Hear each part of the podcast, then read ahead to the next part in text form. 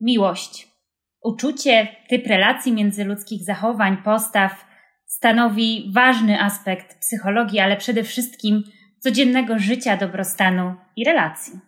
Któż z nas z miłości nie przeżywał najpiękniejszych uniesień, ale także wielkich rozczarowań i trosk? Miłość jest uniwersalna, zatem osoby LGBT w relacjach miłosnych i związkach zasadniczo nie różnią się od tych, z którymi zmagają się osoby heteroseksualne. Jednakże kontekst tworzenia relacji e, osób LGBT jest inny i często takie osoby doświadczają wykluczenia i stygmatyzacji ze, ze względu na swoją nieheteronormatywną tożsamość. Każdy z nas, nasiąkając krzywdzącymi przekonaniami, e, może ponosić konsekwencje, takie jak niska samoocena, co z kolei odby, odbija się na tworzeniu satysfakcjonującej relacji. Dobry wieczór Państwu, nazywam się Joanna Gutral, jestem psychologiem i psychoterapeutką, a moim i Waszym dzisiejszym gościem będzie Daniel Bąk, e, psychoterapeuta relacyjny Gestalt z gabinetu Tęczówka, który specjalizuje się w pomocy psychologicznej i, rozwojem oso- i rozwoju osobistym dla osób LGBT. Witam Cię serdecznie, Danielu. Dobry wieczór. Dla tych e, z Państwa, którzy są z nami po raz pierwszy, e, chciałabym przypomnieć, że po prawej stronie znajdziecie Państwo okienko czatu, w którym już od teraz możecie zadawać pytania skierowane do naszego eksperta, a my postaramy się odpowiedzieć na jak największą e, ilość tych pytań. To cóż, zaczynamy? Pewnie, że zaczynamy. No dobrze, Danielu, to żeby podporządkować naszą rozmowę, powiedz proszę, kim są osoby LGBT? No dobrze, no to by było tak. E, L lesbijki, G dla gejów, B dla osób biseksualnych.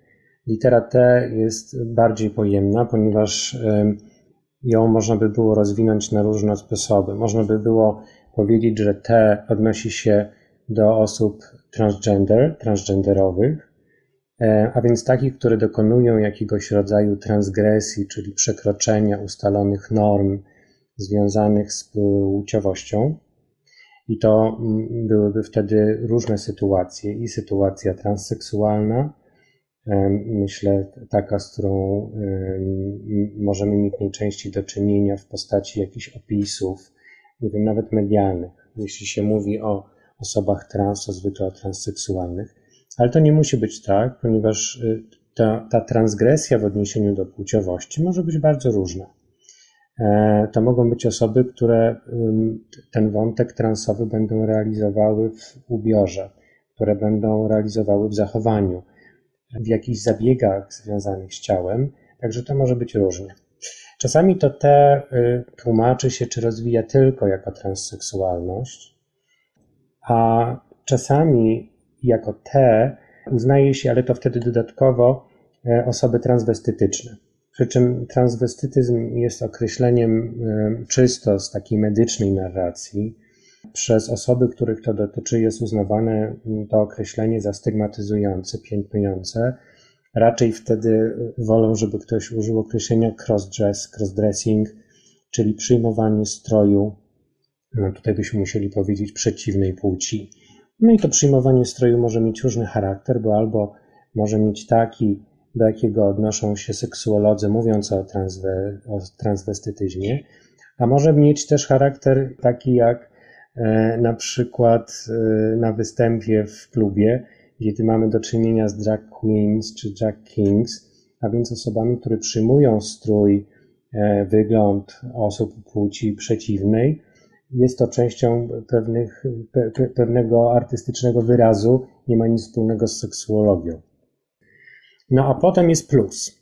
E, no i ten plus oznacza dodatkowe grupy tożsamościowe, które w tym podstawowym skrótowcu nie są objęte, i w tym plusie mieściłyby się na przykład osoby aseksualne, czyli takie, które z różnych swoich powodów deklarują, że nie mają potrzeby uprawiania seksu tam znalazłyby się osoby I, czyli interseksualne, a więc mowa tutaj o takich osobach, które, które przychodzą na świat z wewnętrznymi i lub zewnętrznymi narządami płciowymi, które mają cechy zarówno kobiece, jak i męskie. Tam byłyby też osoby F, to tłumaczy się różnie, czasami jako friends, czyli przyjaciele, to trochę to jest bliskie allies, czyli sprzymierzeńcy, a więc takie grupy, które sprzyjają, wspierają te wszystkie wcześniej wymienione, ale może też oznaczać fetysz, czyli takie osoby, które, takie osoby, które swoje wątki tożsamościowe organizują wokół fetyszyzmu. Czyli można by było powiedzieć, że zobacz, zobaczcie, że e, ten skrótowiec teoretycznie może się rozrastać. Ja pamiętam taki, taki żart jakiegoś Amerykanina, że to się może tak skończyć jak z ulicą Sezamkową, no, że właśnie zabraknie literek w pewnym momencie. Jest według mnie dużo lepsze rozwiązanie, w sensie dużo lepszy skrótowiec, ale wprowadzanie go na polskim gruncie średnio wychodzi, choć jest coraz lepiej, a mianowicie GSRD, e, czyli z angielskiego Gender and Sexual and Relationship Diversity, czyli różnorodność tożsamościowa dotycząca płciowości, seksualności oraz form relacji romantycznych i lub seksualnych. I wtedy pod takim parasolem to już się mieści bardzo dużo różnych tożsamości, w tym to wszystko, co było objęte, co jest objęte skrótowcem LGBT. Mhm. Ja zdradziłam Ci w tym fragmencie, kiedy widzieliśmy się jeszcze poza wizją, że dla mnie stresujące jest e, użycie niewłaściwego e, określenia, niewłaściwej terminologii e, w kontekście osób LGBT, i poprosiłam Cię też o taką uważność i swobodę w poprawianiu mnie. Ale wiesz, mam takie jeszcze jedno pytanie. Często mówimy o osobach nieheteronormatywnych. Czym w zasadzie jest heteronorma? Hmm. No można by było powiedzieć, że w zasadzie no, heteronorma to jest ten kontekst, w którym my żyjemy. Czyli takie, ta jakby to coś, w czym jesteśmy zanurzeni, jeżeli chodzi o skonstruowanie naszej płciowości, seksualności w takim sensie społeczno-kulturowym. Heteronorma, można by było najprościej powiedzieć, to heteronormatywność to takie założenie, że um, um, normą jest heteroseksualność. Mhm. Um, natomiast to jakby niesie za sobą, to niesie za sobą konsekwencje, no bo teraz, żeby istniała heteroseksualność, no to obligatoryjnie istnieją tylko dwie tożsamości genderowe, a więc albo kobieta, albo mężczyzna. Czyli mhm. to, co wnosi ze sobą heteronorma, to zobacz, zobaczcie, to jest też binarny sposób myślenia. Binarny, czyli oparty na, na, dwu, na, na biegunowości. Są dwa bieguny Czyli idąc wymiarami płciowo-seksualnego ja człowieka, przychodzi na świat ciało, które w sensie biologicznym powinno być albo kobiece, albo męskie. Potem to ciało powinno siebie przeżywać ostatecznie jako kobietę albo mężczyznę. Powinno tą tożsamość genderową realizować albo e, stereotypowo męsko, albo stereotypowo kobieco, no i na, na, końcu ta osoba powinna być hetero albo homoseksualna. Mhm. Czyli Heteronorma robi binarność. No i teraz y, zobaczcie Państwo, że to, co wtedy usuwane jest z pola widzenia, to środkowy rejestr, czyli de, na przykład, jeśli chodzi o płeć, y, jeżeli chodzi o, o wymiar biologiczny, to usuwane są tożsamości interseksualne. Tak? No bo patrząc na to z takiej biologiczno-medycznej perspektywy, to nie, są, to, to nie jest sytuacja na biegunach, to jest sytuacja gdzieś ze środkowych rejestrów. No i to jest jakby pierwszy taki sygnał, że te wymiary nie są biegunami, te wymiary są spektrami, są, wymiar, są wymiarami. Podobnie z tożsamością genderową. Większość osób rzeczywiście będzie w naszym kręgu społeczno-kulturowym identyfikowała się jako kobiety i mężczyźni, natomiast jest część osób, która nie będzie się tak identyfikowała, ponieważ albo Aha albo to będzie jakaś sytuacja trans, albo to będą osoby e, niebinarne, albo identyfikujące się jako gender queer, albo agender, albo gender fuck, albo jakkolwiek inaczej. Tam jest, jest duży środkowy rejestr i e, każdego z tych wymiarów, które wcześniej wymieniłem, dotyczy dokładnie to, czyli ten środek jest wycinany, a ten środek w zasadzie przede wszystkim stanowi trzon skrótowca LGBT+, jakby się temu dobrze przyjrzeć. Mhm. Dzisiejsze spotkanie e, miało e, tyczyć się i, ty, i, będzie tyczyć się relacji e, osób LGBT, więc ja zadam to pytanie i możesz powiedzieć, co na ten temat uważasz i w zasadzie dlaczego się nie zgadzasz. Czym różnią się, albo czy istnieją w ogóle jakieś typowe problemy albo różnice e, między e, problemami w związkach LGBT, a relacjami osób heteronormatywnych. Mhm.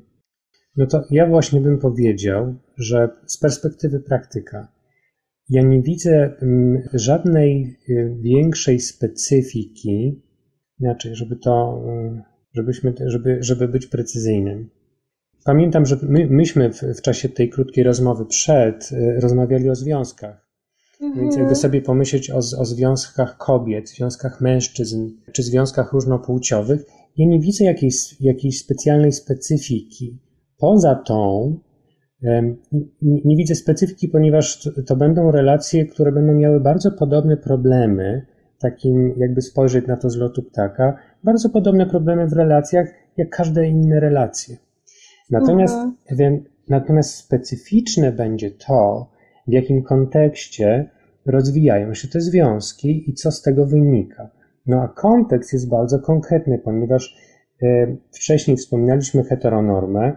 Konsekwencją istnienia heteronormy idzie z tym w parze jest heteroseksizm, czyli takie założenie, że to, co jest prawidłowe, to, co jest normalne, to, co jest uznawane za zdrowe psychologicznie, seksuologicznie, prawidłowe, to heteroseksualność. Konsekwencją heteroseksizmu, przejawem jest homofobia, bifobia, transfobia. No i teraz, jeżeli patrzeć, gdzie jest specyfika, no to specyfika będzie, będzie w tym, że relacje osób LGBT rozwijają się w bardzo niesprzyjającym, opresyjnym, piętnującym kontekście społeczno-kulturowym. I tutaj e, to jest to. E, I teraz um, chciałem powiedzieć, e, użyć takiego określenia, które w, w kontekście profesjonalnej pomocy osobom LGBT jest ważne i literatury na ten temat, a mianowicie stres mniejszościowy. Że to, co będzie specyficzne dla tej grupy klientek i klientów, to będzie stres mniejszościowy, czyli stres doświadczany specyficznie ze względu na fakt przynależności do grupy mniejszościowej. Tak? I teraz, e, o ile właśnie z tak zwanego lotu ptaka te trudności będą bardzo podobne, bez względu na to, kto by tych par czy jakichś innych y, konstelacji relacyjnych nie tworzył, to już w szczegółach, ze względu na ten kontekst, może być specyficzny. Czyli, czyli myślę sobie, jednopłciowa para będzie mierzyła się z różnego rodzaju trudnościami, takimi jak na przykład brak, brak prawnego zabezpieczenia, wynikający z heteroseksizmu na poziomie instytucjonalnym, używając takiego mocnego języka, czyli tego, że państwo polskie nie zapewnia, nie zapewnia możliwości zalegalizowania relacji osób o tym samym genderze. To będą kwestie dotyczące opieki nad dziećmi, kwestie posiadania dzieci w ogóle. I tu, tu jest ta specyfika. I to jest mhm. coś absolutnie nie do pominięcia. Mhm. Mówię, że jest to coś absolutnie nie do pominięcia, dlatego że w, w kontaktach z, ze swoimi koleżankami, kolegami po fachu, ja czasem słyszę takie hasło, no ale w zasadzie to o co ci Daniel chodzi, jakby po co ty tyle o tym mówisz, on to jest taki klient czy klientka jak każdy inny, inna. No nie jest. Dokładnie z tego powodu, o którym teraz mówimy z racji istnienia heteronormy oraz jej konsekwencji w postaci heteroseksizmu, homobii, transfobii, na różny, przejawiających się na, różnych, na różnym poziomie. To nie jest klient czy klientka jak każdy inny. I zaprzeczanie mhm. temu, że osoby LGBT doświadczają opresji, widziałbym jako przejaw homobii, transfobii. Nie sposób tego nie widzieć, będąc uczestnikiem życia społeczno-kulturowego. E, powiedziałeś o tym kontekście, że, że nie da się pominąć tego w pracy terapeutycznej, w relacji terapeutycznej. E, powiedz mi, na czym polega specyfika pracy Twojej jako e, terapeuty z osobami LGBT? Oprócz oczywiście, rozumiem, uwzględnienia tego kontekstu, to co, na czym różni się ta praca terapeutyczna, która ten kontekst właśnie uwzględnia? Ale to wiesz co, Asia, ja nie wiem, czy, czy byłoby coś y, y, ponad to specyficznego, co sobie powiedzieliśmy. No bo mhm. można by było o mnie powiedzieć, y, że zajmuję się afirmatywną psychoterapią z osobami LGBT. To by był taki termin literaturowy. No, ona jest afirmatywna w takim sensie, że przyjmuje i bezwarunkowo akceptuje tożsamość seksualną, ja nie używam określenia orientacja, tożsamość seksualną swojego klienta czy klientki i patrzę na kwestię genderu, ponieważ gender istnieje, słowo istnieje w języku polskim, odmienia się jak słowo basen. Kwestię, kwestię genderu przez pryzmat różnorodności, nie przez pryzmat patologii czy zaburzeń. Na tym jakby polega moje, moje afirmatywne podejście. Mówię o tym mhm. dlatego, że niektórym, ponieważ jest to kalka z języka angielskiego, niektórym ta afirmatywność kojarzy się bardzo, tak bym powiedział, niepoważnie. No więc afirmatywność do tego się sprowadza. Teraz, gdyby spojrzeć na to, co znajduje się w kodeksach prakty, etycznej praktyki psychologicznej, psychoterapeutycznej, to to jest po prostu etyczna praca. To tyle można mhm. by było powiedzieć. Powiedz, jakoś powiedzmy sobie to głośno, to jest po prostu etyczna praca i już. W świetle tego, e, co na temat ludzkiej seksualności i płciowości wie współczesna psychologia, współczesna seksuologia, psychiatria a więc wszystkie te dziedziny, które zajmują się zdrowiem psychicznym i seksualnym. No więc jestem takim psychoterapeutą. Tylko czy to by było, to co zaraz powiem, powiem, bo to uważam jest bardzo ważne, może, może jest jakoś specyficzne. Ja uważam, że psychoterapeuta czy psychoterapeutka, którzy, którzy mają zamiar, czy siadają w fotelu przed klientem, klientką LGBT, mają do, do zrobienia trzy rzeczy. I to są takie, takie, to są moje wnioski, taki, jak to się mówi po angielsku, take home message, jak robię wiadomość do zabrania ze sobą do domu, jak w szkole psychoterapeutów, psychoterapeutki. By, bycie w tym fotelu wymaga przygotowania na trzech poziomach. Pierwszy to jest wiedza, bardzo podstawowe i bardzo ważne, ale e, także w języku polskim w tej chwili już dysponujemy dużą literaturą, z której można naprawdę się dowiedzieć, co współcześnie wiadomo na temat seksualności, płciowości oraz niestandardowych form relacji romantycznych i lub seksualnych. Druga sprawa to jest trening antydyskryminacyjny. E, czyli przyjrzenie się sobie przez pryzmat tego, przez, przez, Soczew, przez, przez pryzmat tego, gdzie są, w jakim temacie moje uprzedzenia.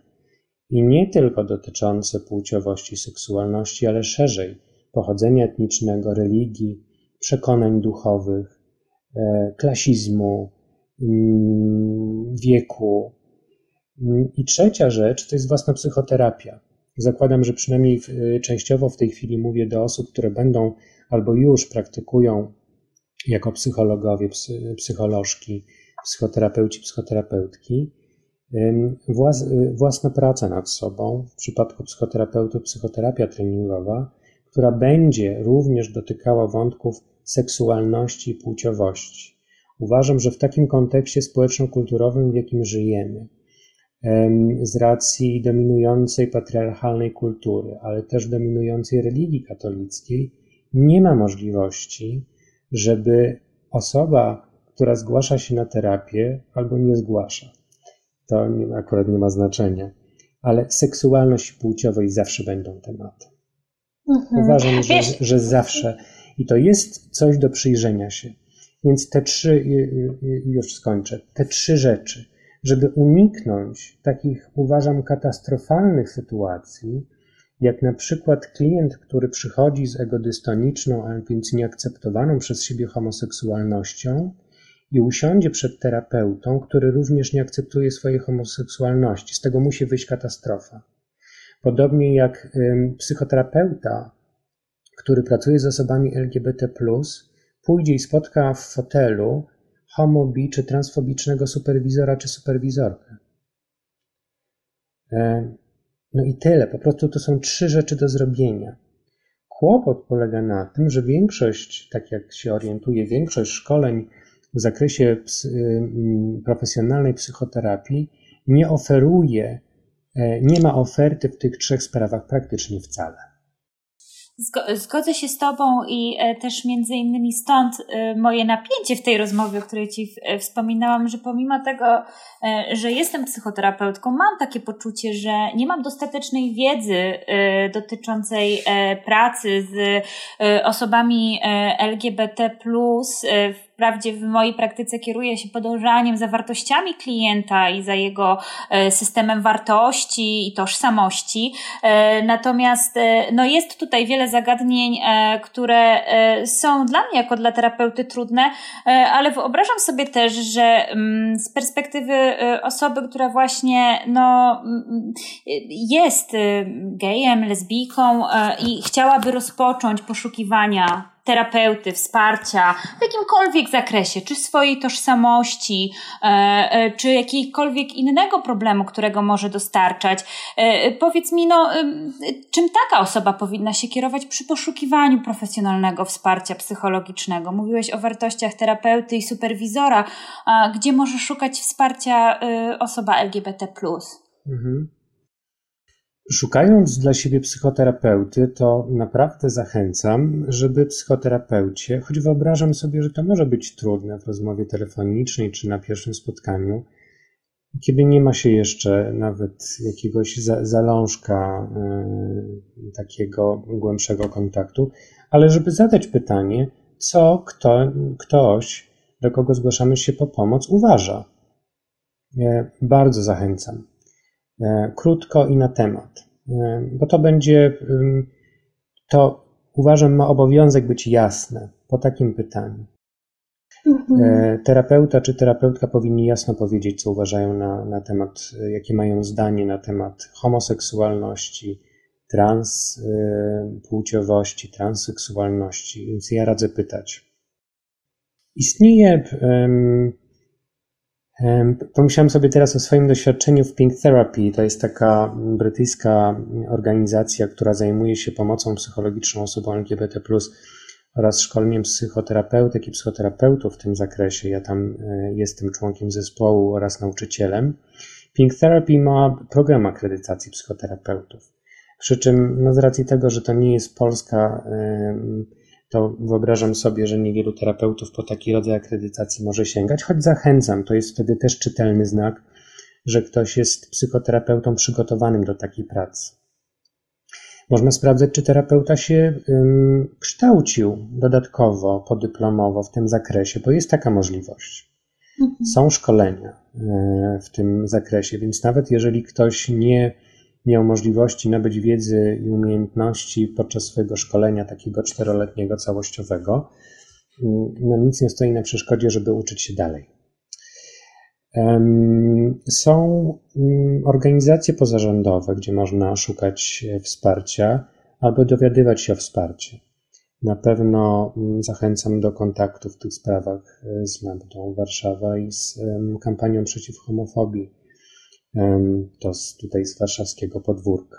Tak? Ale w tych większych miastach istnieją organizacje, które są wspierające, gdzie można szukać pomocy albo dowiadywać się o bezpieczną pomoc.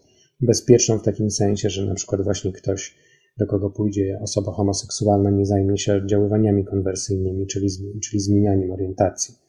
Też nie nazywajmy tego absolutnie terapią, to nie jest terapia. No jest ona zdelegalizowana w większości e, krajów. E, niestety u nas no nie ma w ogóle ustawy o zawodzie psychoterapeuty. W większości więc... nie, ale są kraje, które rzeczywiście mhm. wprowadzają prawną regulację zakazującą tego typu praktyk i tego typu mhm. oddziaływań. No, zważywszy na to, co się dzieje w tej chwili w Polsce, to nie należy się tego spodziewać w najbliższym czasie.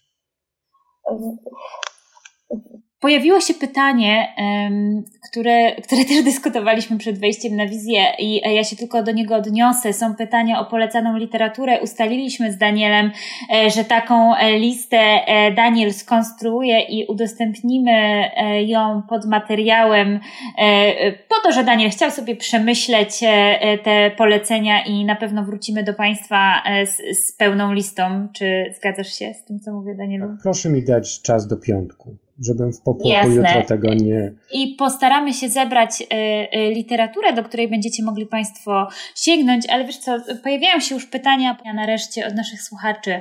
Um, jest takie pytanie od Sabiny, która zastanawia się, jak powiedzieć rodzinie o tym, że ma się partnera tej samej płci, szczególnie kiedy rodzina, jak rozumiem, nie zna prawdy orientacji. Trochę, y, może przez to, jestem, że jestem psychoterapeutą, y, trochę jest dla mnie niejasne, y, jak pada pytanie, jak powiedzieć. Zastanawiam się, jeżeli mogłaby Pani troszkę doprecyzować, bo rozumiem, że stoi jakaś trudność, za, jakaś, jakaś jasna być może dla Pani trudność, dla mnie nie, w powiedzeniu, w powiedzeniu rodzicom. A czy z Twojego doświadczenia też e, w pracy e, z pacjentami, pacjentkami e, pojawiają się takie tematy, w których no właśnie jakoś jest trudność w ujawnieniu swojej orientacji wobec rodziny, wobec środowiska, Pewnie, przyjaciół? że to się zdarza. Pewnie, że to się zdarza. Mhm. Koniec oczywiście bywa różny, ponieważ czasami rzeczywistość przerasta pozytywnie osobę, która obawia się ujawnić swoją tożsamość przed rodziną. E, no a czasami spełnia się mm, najgorszy scenariusz. Mm, najgorszy to taki, kiedy wręcz może dojść do przemocy, czy będzie to przemoc emocjonalna, czy będzie to przemoc fizyczna. W tym optymalnym, dobrym scenariuszu, kiedy dzieje się pozytywnie, to są sytuacje, kiedy osoba jest przyjęta z tym, jaka jest.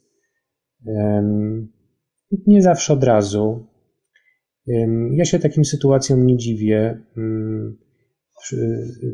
jednocześnie wspierając czy klienta, czy klientkę. Też mówię, żeby dał trochę czasowi czasu e, na to, żeby rodzina miała możliwość e, odnaleźć się w nowej sytuacji. No bo to jest tak, że ktoś, kto się ujawnia, chodził z tym po świecie prawdopodobnie całkiem długo i jakoś się ze sobą dogadał i wyszedł wtedy z informacją o sobie do rodziny, no a rodzina właśnie się o tym dowiaduje, albo spełniają się jej jakieś podejrzenia, no i też czasem potrzebuje tak zwanego momentu na to, żeby się jakoś do sytuacji zaadaptować. E, no, mhm. tak, tak. widzę, że chciałeś coś dokończyć. Nie, jestem cały czas przy tym pytaniu, jak powiedzieć. No właśnie, cały czas się zastanawiam o co chodzi. Pojawiło się coś nowego od Sabiny, czy nie? E, patrzę, na razie jeszcze, jeszcze nie widzę, natomiast jeżeli się pojawi, to na pewno e, do tego, e, do tego wrócimy. Pojawiają się natomiast kolejne pytania, bo rozmawiamy też o związkach osób LGBT. Czy terapia par jest y, w ogóle dostępna, możliwa, mm, jak to wygląda, gdzie, gdzie takie osoby mogą szukać pomocy, jak mogą znaleźć terapeutę? Oczywiście, że jest możliwa i że jest dostępna. W zasadzie wydaje mi się, że wszystko powiedzieliśmy, co jest potrzebne tutaj do powiedzenia. To jest terapeuta, to, to, powinien być psychoterapeuta czy psychoterapeutka, który optymalnie by było, żeby się specjalizował w psychoterapii par, ma do tego przygotowanie z racji szkoły, którą ukończył. No a ten dodatkowy element jest do sprawdzenia, no bo może być tak, że ze strony internetowej się tego nie wyczyta. Myślę sobie, że czasami też jest tak, że sama informacja na stronie internetowej to może być za mało. Ja jednak zachęcam do tego, żeby pytać. No więc zachęcałbym do tego, żeby pytać. Zachęcam do, do, do szukania poleceń. To też jest dobre, dobre źródło do, do, do, do posiadania nowych kontaktów. Ale z drugiej strony też wiesz, jak rozmawiamy, ja bym nie chciał, żeby powstało takie wrażenie, no, że właśnie jest jakaś taka grupa terapeutów, do których i terapeuty, do których należy chodzić, a całej reszty należy unikać, bo myślę sobie, że to by też było i przesadzone, i krzywdzące. Dlatego, że mm, yy, ktoś, kto nawet nie będzie miał jakiegoś bardzo dużego formalnego przygotowania do pracy z, z osobami LGBT, z racji tego, jaką jest osobą, jaki ma światopogląd i jaką ma gotowość do poznawania innej perspektywy niż własna, może się okazać dobrym adresem, jeśli chodzi o pomoc. Więc też nie chciałbym zbudować atmosfery takiego izolacjonizmu i tego, że właśnie jest jakieś y, getto, w którym są ci terapeuci i należy się tam udawać po pomoc, bo mhm. uważam, że to by było, że to by było przesadzone. Ja myślę, że ważne jest to, o czym mówisz, o otwartości, o pytaniu. Mm, I szukamy terapeuty dla par jako para homoseksualna. Tak, i, ale, że, i ale ja, ja myślę, że w tym jest też taki balans do znalezienia, bo teraz opowiem taką anegdotę, y, którą osoby, które mnie znają albo miałem możliwość mnie gdzieś słyszeć, mogą znać. To może dawać wrażenie, że ja opowiadam cały czas to samo, czasem tak. No więc ta anegdota jest taka, że mm, Dominic Davis z Pink Therapy opowiedział kiedyś, jak spotkał swoją koleżankę po fachu i ona mówi Dominiku, Dominiku, taka niesamowita historia, otóż przyjąłem swojego pierwszego homoseksualnego klienta i tyle się od niego uczę. No on mi odpowiedział, a czy obniżyłaś stawkę za sesję? E, I to był taki sygnał o tym, że to oczywiście jest świetnie uczyć się od swojego klienta czy klientki, natomiast uważam, że jest taka baza profesjonalnego przygotowania się do pracy z osobami LGBT, którą należy posiąść. Czyli czy sam fakt bycia osobą LGBT, to już jest wystarczająca rekomendacja, żeby, żeby pracować? No nie, może nie wystarczyć. Czy to, że się ma dobre chęci, otwarte serce, wystarczy? Nie, no może nie wystarczyć. E, tu, tu musi być balans. Tak? E, mhm. Jest, jest, e, jest wiedza do zdobycia, antydyskryminacja do sprawdzenia i psychoterapia do odbycia. Cały czas jednak sobie myślę. Nie? Mhm. tak, żeby to nie zginęło, bo myślę sobie, jest jednak tak, że terapeuci, którzy wcześniej nie mieli kontaktu, dajmy na to, z problematyką kłopotów z odżywianiem, y, szybko sięgną po źródła. Osoby, które y, wcześniej, nie wiem, nie, nie konsultowały jakichś spraw dotyczących psychologii dzieci, zaczną czytać o psychologii, o psychologii dzieci. Dlaczego więc y, nie ma takiego oczywistego założenia, że jeżeli siada się w fotelu przed osobą LGBT, no to trzeba otworzyć odpowiednie książki. No i tyle, mhm. trzeba się przygotować. To jest ta sama sytuacja. Zgadzam się z Tobą w, w, zupełności, że te kompetencje terapeutyczne, no jednak praca terapeuty zakłada, że w sumie uczymy się i poszerzamy swoje kompetencje no, myślę na chwilę obecną, że przez całe, całe życie e, i że to też dotyczy pracy z osobami LGBT.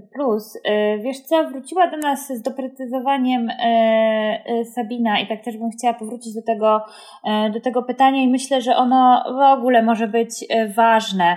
Jeżeli mamy takie przekonanie, że rodzina, najbliżsi nie przyjmą najlepiej, znaczy nie przyjmą z akceptacją tego, że że mamy partnera bądź partnerkę tej samej płci. E, I wówczas pojawia się taka trudność w tym, żeby, żeby to powiedzieć. Ja rozumiem, że e, często pacjenci w gabinetach no, mają taką pokusę, żeby nas zapytać o to, jak, co zrobić, co powiedzieć, ale wyobrażam sobie, że to musi być trudne. Wiedzieć, że chcę podzielić się czymś, co raczej nie będzie przyjęte z owacjami na stojąco. Jak my wówczas możemy sobie radzić? Jako takie osoby, które przeżywają coś takiego i w jaki sposób byś rekomendował przygotowanie się do takiego procesu, bo no na efekt tego przyjęcia nie mamy wpływu. Okej, okay, dziękuję za doprecyzowanie. Mm, w relacyjnym, e, w relacyjnym nurcie Gestalt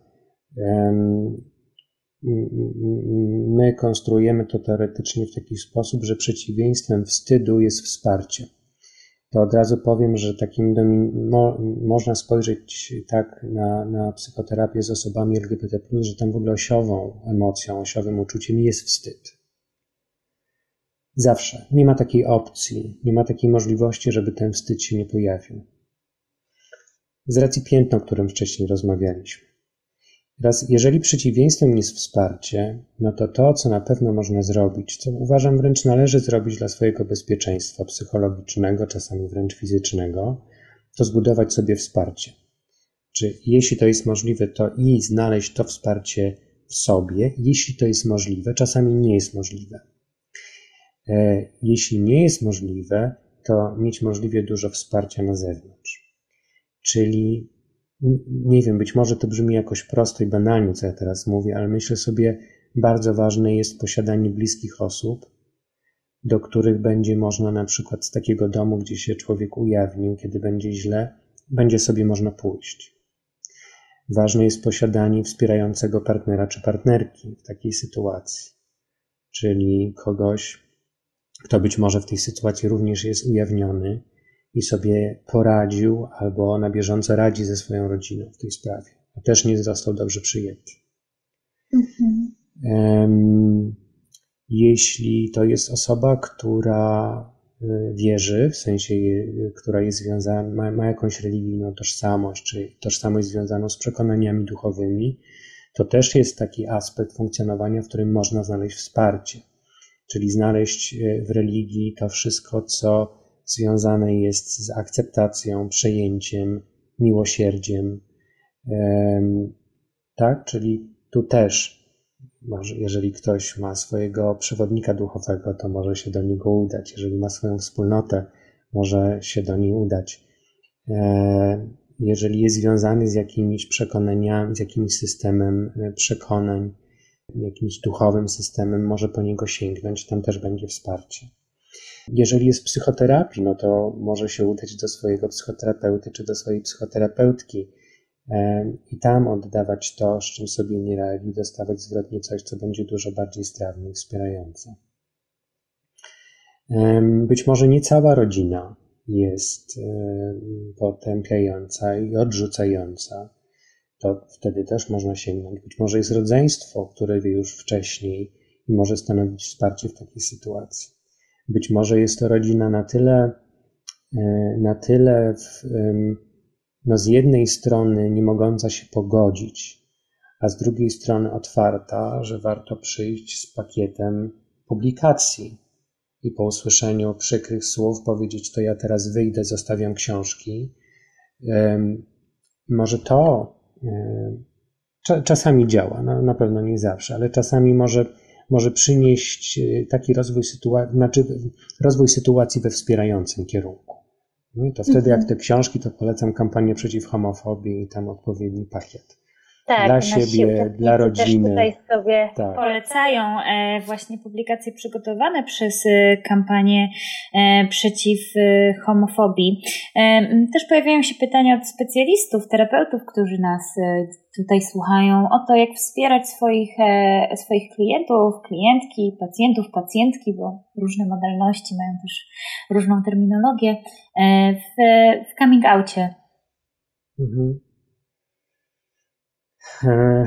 No to znowu jest takie Wiem, pytanie. Wiem, że chcę od ciebie pytania, jak, e, co robić i jak znaczy, żyć. W, jak, ale... jak, nie, nie, w jakiej sprawie w coming outie, myślę sobie. Nie? Bo um, no właśnie, czy to jest tak, że, że to jest klient, który, czy klientka, która, który będzie potrzebował, e, żeby polecić literaturę do przekazania w domu, czy to czy, czy rozmawiamy o coming outie w znaczeniu ujawnienia się przed kimś, czy jesteśmy w procesie coming outu, czyli ujawniania się przed sobą w ogóle. E, więc być może inna literatura i trochę inna rozmowa. E, czy rozmawiamy o coming outie, ujawnieniu się osoby, której, e, której tożsamości seksualnej dotyczy zagadnienie, czyli rozmawiamy z osobą homoseksualną, biseksualną, czy jakoś inaczej nieheteroseksualną, czy rozmawiamy o ujawnieniu się osoby, której, y, która mieści się pod parasolem różnorodności genderowej, bo to są trochę inne, proszę zauważyć, to są trochę inne ujawnienia się. To tego rozróżnienia do, dokonuje taka autorka, którą bardzo lubię i cenię, Arlene Ishtar-Lew, która mówi, ujawnienie się osoby transgender jest inne w takim sensie, że to ujawnienie fizycznie widać.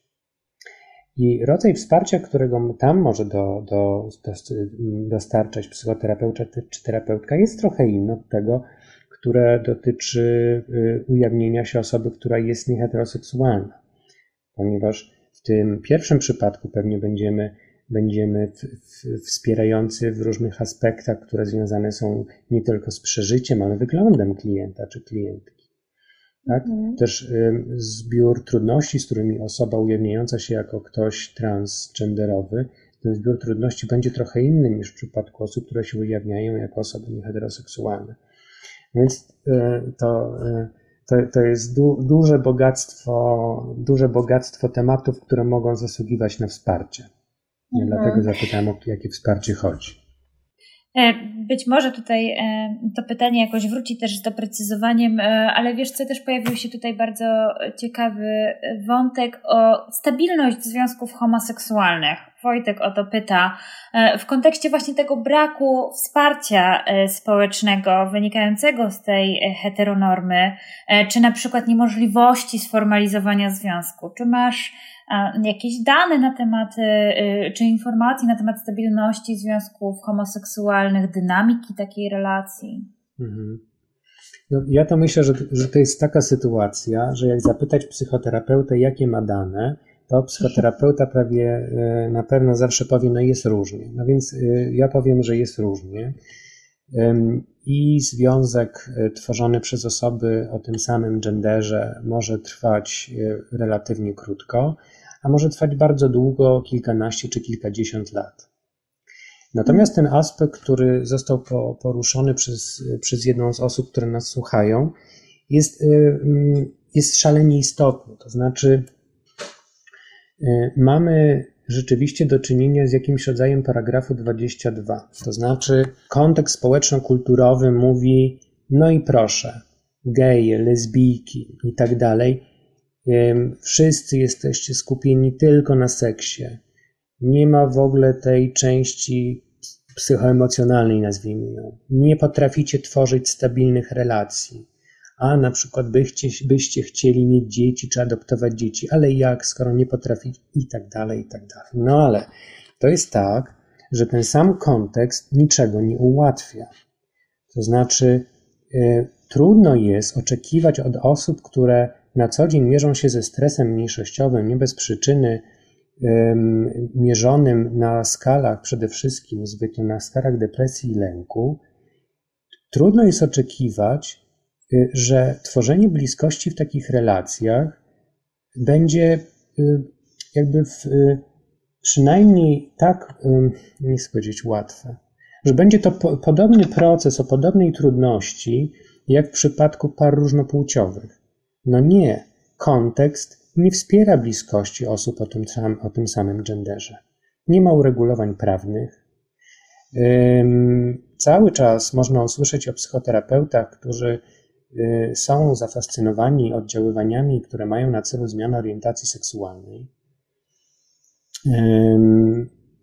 Temat legalizacji związków, już nie mówiąc o posiadaniu dzieci, budzi niesamowite, niesamowite kontrowersje, które nie mają żadnego oparcia w danych naukowych, natomiast są rzeczywiście podsycane emocjami, y, choćby z medialnego przekazu.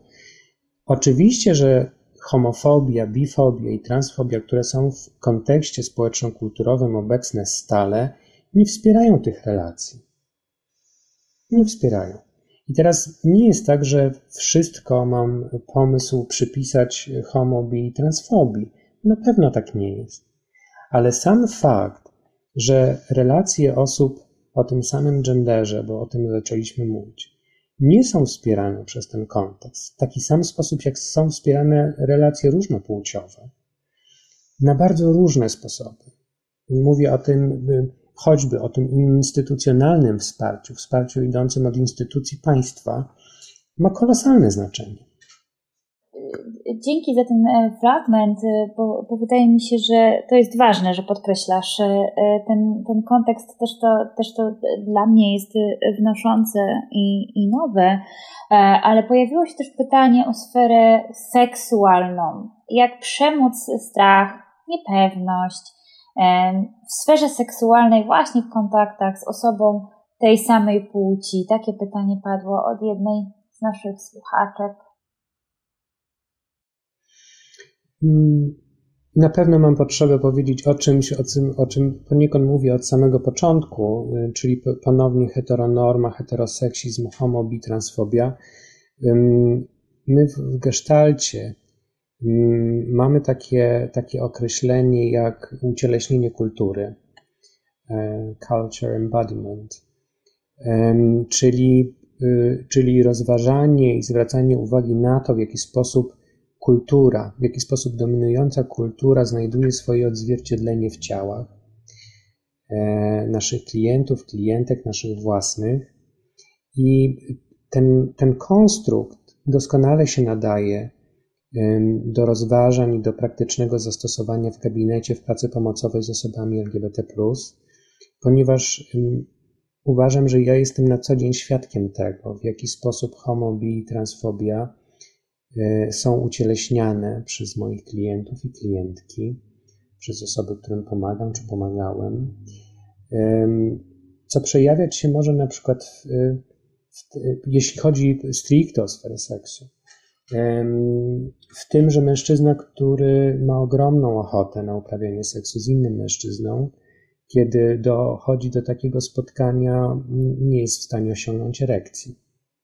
I to nie jest tak, że w ogóle nie osiąga erekcji, albo że mierzymy się z jakimiś anatomicznymi trudnościami, bo przez tego mężczyznę zostało to już sprawdzone, sprawdzone na różne sposoby, ponieważ w różnych miejscach szukał pomocy, taki przykładowy mężczyzna.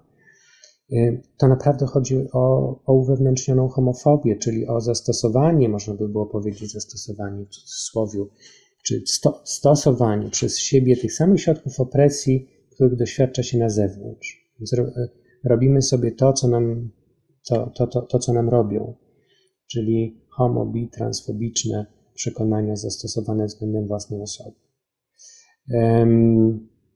Ale to będą też takie sytuacje już nie, nie przyszła mi do głowy taka sytuacja nie, nie, nie, do, nie, nie dokładnie dotycząca seksu, ale bliskości czy intymności w ogóle. Czyli kiedy e, para osób o tym samym genderze idzie ulicą i kiedy widzi, że ktoś zbliża się z, e, z naprzeciwka, automatycznie wypuszcza, e, trzymają się za ręce, puszczają ręce, żeby nikt nie zobaczył i robią to automatycznie, bezwiednie, to jest nieświadome. Ale to jest dokładnie to samo. To jest w ten sposób dominująca kultura, która jest homobi i transfobiczna, znajduje się w naszych ciałach związana jest z wykształceniem nawyków, e, którymi to ciało, którymi my jako ciała się posługujemy. No, tym wynikają różne trudności, choćby takie, o których powiedziałem. Hmm.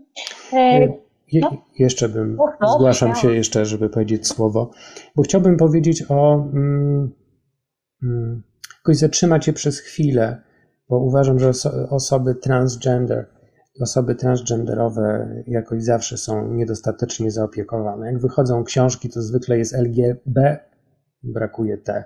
Choć teraz niebawem się ukaże, ukaże ważna pozycja e, literaturowa z polskiego pochodzenia, napisana przez profesjonalistów właśnie o kwestiach genderowych. Ale chciałem się zatrzymać i powiedzieć o, o seksie osób T, i zwrócić uwagę na jeden aspekt, y, który może być, może być związany z trudnościami, a mianowicie to, nie, nie zawsze sobie zdajemy z tego sprawę, ale że y, mm, ta sama dominująca kultura związana jest z wpisywaniem znaczeń w nasze ciała.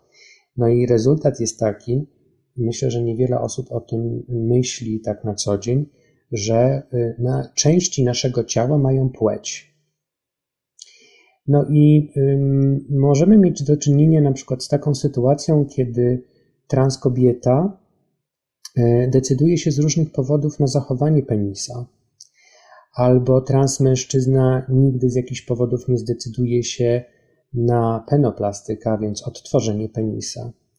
I będą to osoby funkcjonujące z narządami jakby z, y, ze swojej wcześniejszej historii.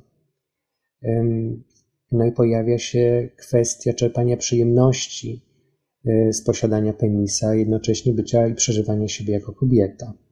I to nie zawsze są y, proste tematy, nie zawsze są proste sprawy.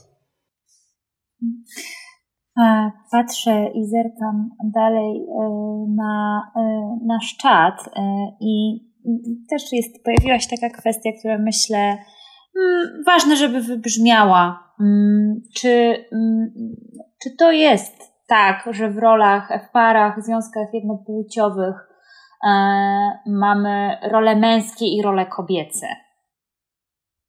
Uśmiechasz się, bo antycypuję Twoją odpowiedź, ale specjalnie zadałam to pytanie. Tak, tak, tak. A widać, że ja się uśmiecham, czy nie widać? Ja tego? Cię widzę, ale oni A, tego nie widzą, nasi no właśnie, słuchacze, więc widzi, ja że... tak relacjonuję na bieżąco. Daniel, tak. e, uśmiech taki e, filmowski niemalże tutaj. Dobrze, mhm. więc ja się uśmiecham, no bo pomyślałem sobie, czasem te role się odtwarzają, a czasem nie. I teraz rzeczywiście, wiecie Państwo, ja uważam, że to jest duża strata, kiedy, e, kiedy pary osób o tym samym genderze zwykle bezwiednie e, odtwarzają podział ról genderowych taki, jak e, funkcjonuje w heteronormie.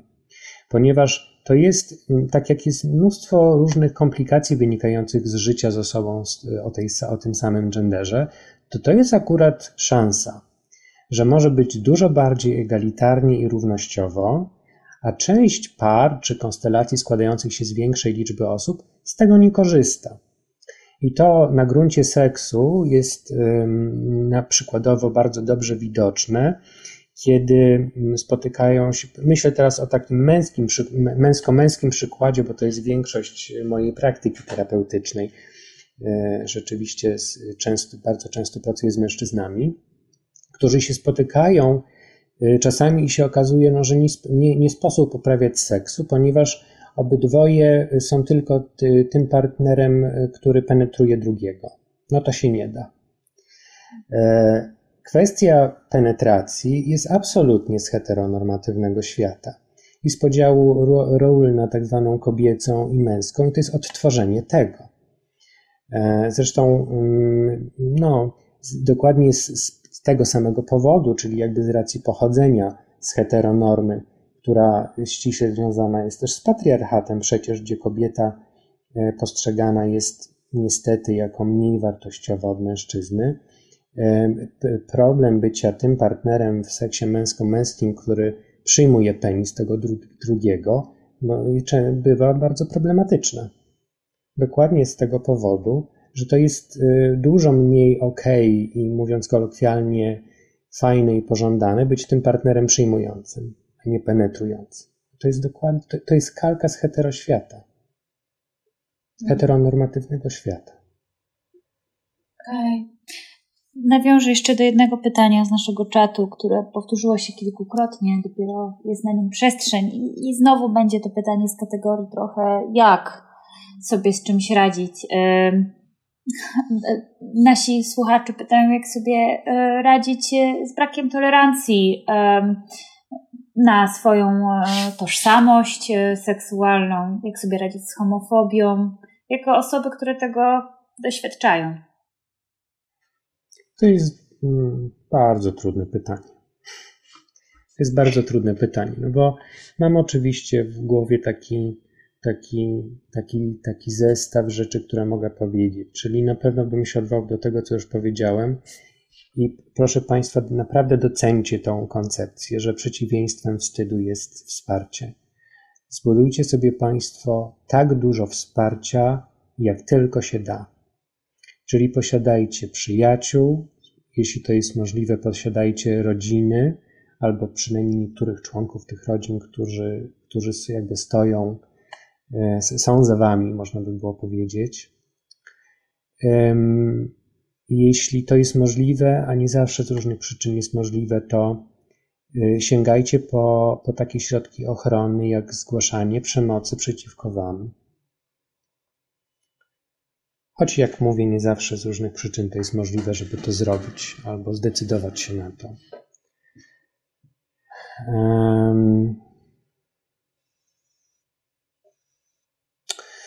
Pamiętajcie też o swoim bezpieczeństwie. Ja, mm, mówiliśmy chwilę temu o ujawnianiu się. Mnie bardzo złości jako psychoterapeuta taka, taka narracja, w której e, ujawnianie swojej tożsamości seksualnej i lub genderowej, nieheteronormatywnej, czyli nie mieszczącej się w heteronormie, ujawnianie tego jest traktowane jako jakiś rodzaj moralnego obowiązku względem społeczności LGBT, oraz e, jest opisywane jako przejaw i dowód na odwagę.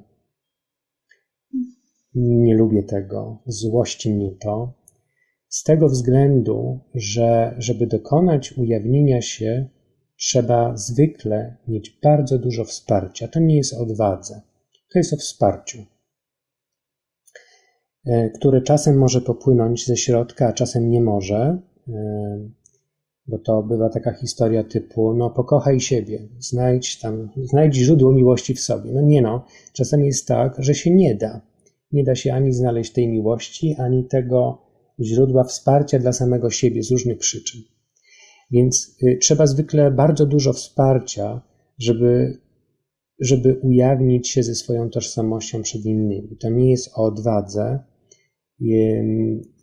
Kończy się zwykle taka narracja według mnie zawstydzeniem części osób, które z różnych powodów, e, które skutkują brakiem wsparcia, nie ujawniają się przed najbliższymi, przed pracownikami, przed swoimi kolegami, koleżankami. E, ta narracja jest nie w porządku. To nie jest obowiązek, to jest możliwość i prawo, i nie jest to o odwadze, tylko o otoczeniu, o otoczeniu w którym jest albo nie jest wsparcie. Mhm. Myślę, że to jest, y, to jest bardzo ważne, co powiedziałeś. Ja też się przyłączam do, mm, do tego e, bipolarnego wymiaru e, wstydu, że na tej drugiej, drugim krańcu e, jest to, jest to wsparcie, jest to istotne. Rozmawialiśmy jeszcze o rodzinach LGBT.